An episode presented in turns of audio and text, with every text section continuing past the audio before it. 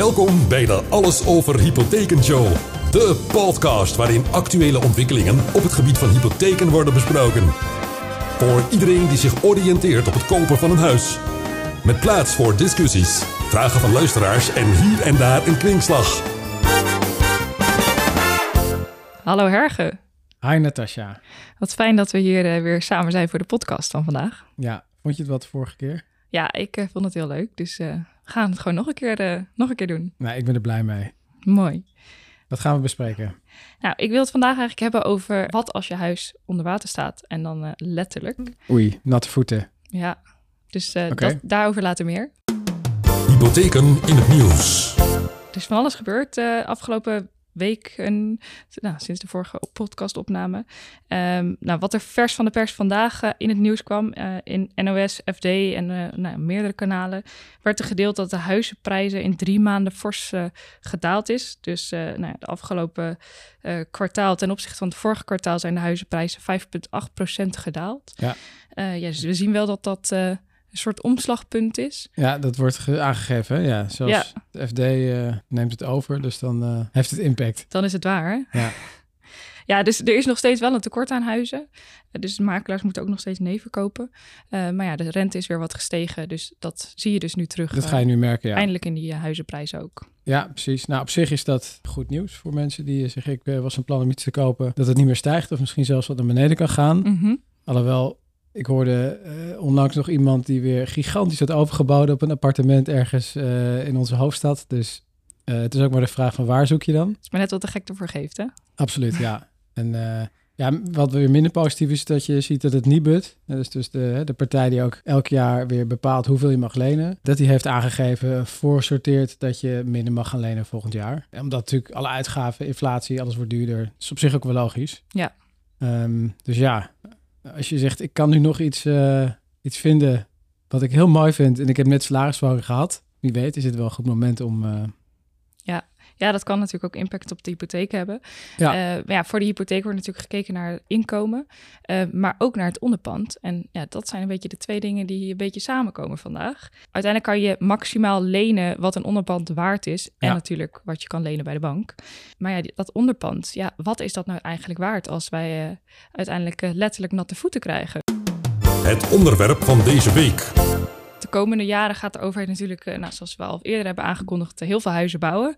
Ehm, nou, er worden ongeveer 1 miljoen woningen gebouwd de Ja, komende ja. 10 jaar. 2030, ja. Maar als we dan echt iets verder gaan kijken eh, naar plekken die in de toekomst kunnen overstromen of dat huizen kunnen scheefzakken door slechte bodemkwaliteit, Ja, dan zou ongeveer 85% van die huizen uiteindelijk onder water komen te staan. Ja, dus die worden op een verkeerde plek gebouwd voor waar het nu staat aangewezen. Eigenlijk wel. Ja, dat is, dat is best wel schokkend. Ja, Daar, daar, hebben we, daar gingen we ook eh, even wat verder onderzoek naar doen. Dus dan komen Ja. we zo nog op terug. Want ik vind het eigenlijk wel heel erg interessant. Want wat als je huis onder water komt te staan?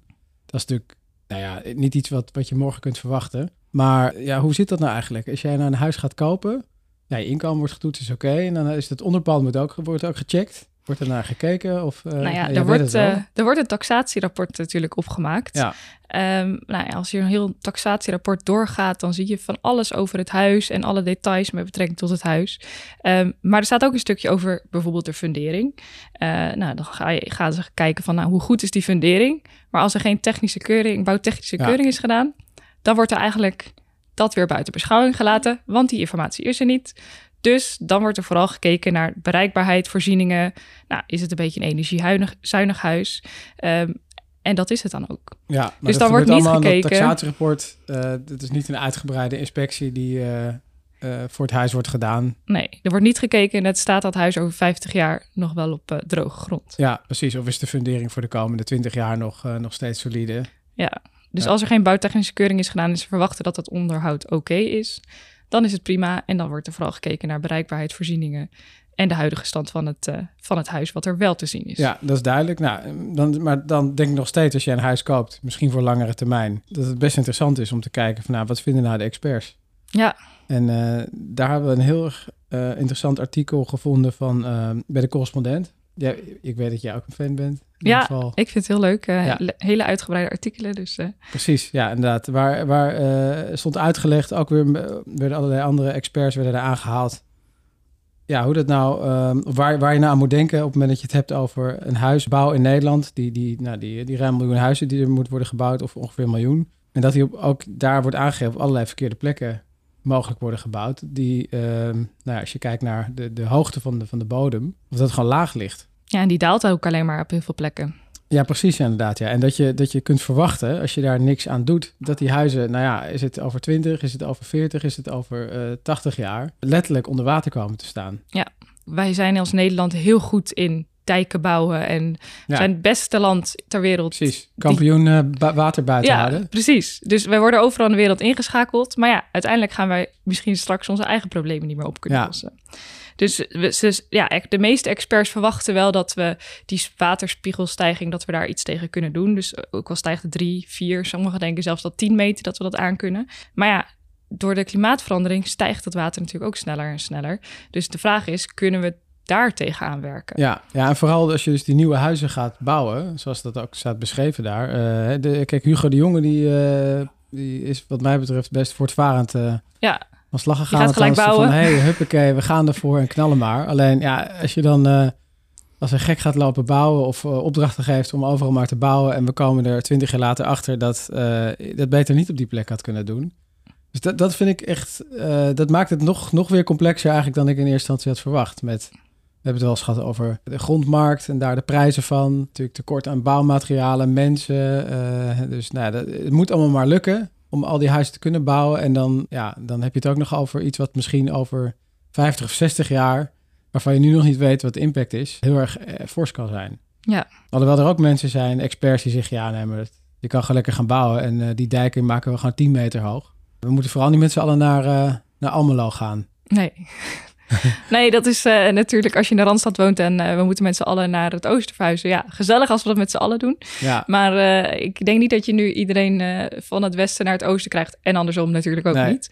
Want iedereen wil gewoon natuurlijk het liefst wonen waar zijn familie, vrienden zijn. En waar je gewoon je sportclub hebt. Ja, duidelijk. En, ja, uiteindelijk moeten we daar natuurlijk ook over nadenken. De woonkwaliteit met alles eromheen. Want je wil natuurlijk wel het liefst wonen waar Ja. je en je werk en je nou ja, in prettige woonhuizen staat, maar ook dat je gewoon je vrienden en familie eh, om de hoek hebt. Natuurlijk, ja. Nee, dus ik, ik, ik zie ook niet zo snel dat, we, dat dat de oplossing is... dat er allerlei huizen opeens uh, aan het oosten van, uh, van het land worden gebouwd. Een heel simpel voorbeeld. Als je ergens een, een, een huis wil bouwen of een, een, wijkje waar het al heel erg laag is... dan zul je daar, voordat je iets gaat bouwen nu nieuw... Uh, allerlei voorzieningen eerst moeten gaan treffen... zodat als er uh, te veel water is, dan dat het opgevangen kan worden bijvoorbeeld. Ja, ja en als dat, dat niet is, gebeurt, ja, dan heb je misschien over een uh, x aantal jaar een uh, fors probleem. Ja, ze zitten inderdaad te denken aan van die opslagtanks die je dan verplicht moet bouwen. Of dat ze echt rekening houden met de materialen die gebruikt worden.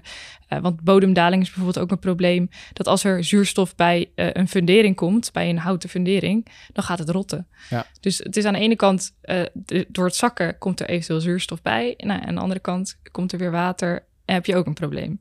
Dus we moeten gewoon heel erg gaan nadenken hoe we die huizen bouwen. En dat we ook daarmee met het oog op de toekomst huizen gaan bouwen.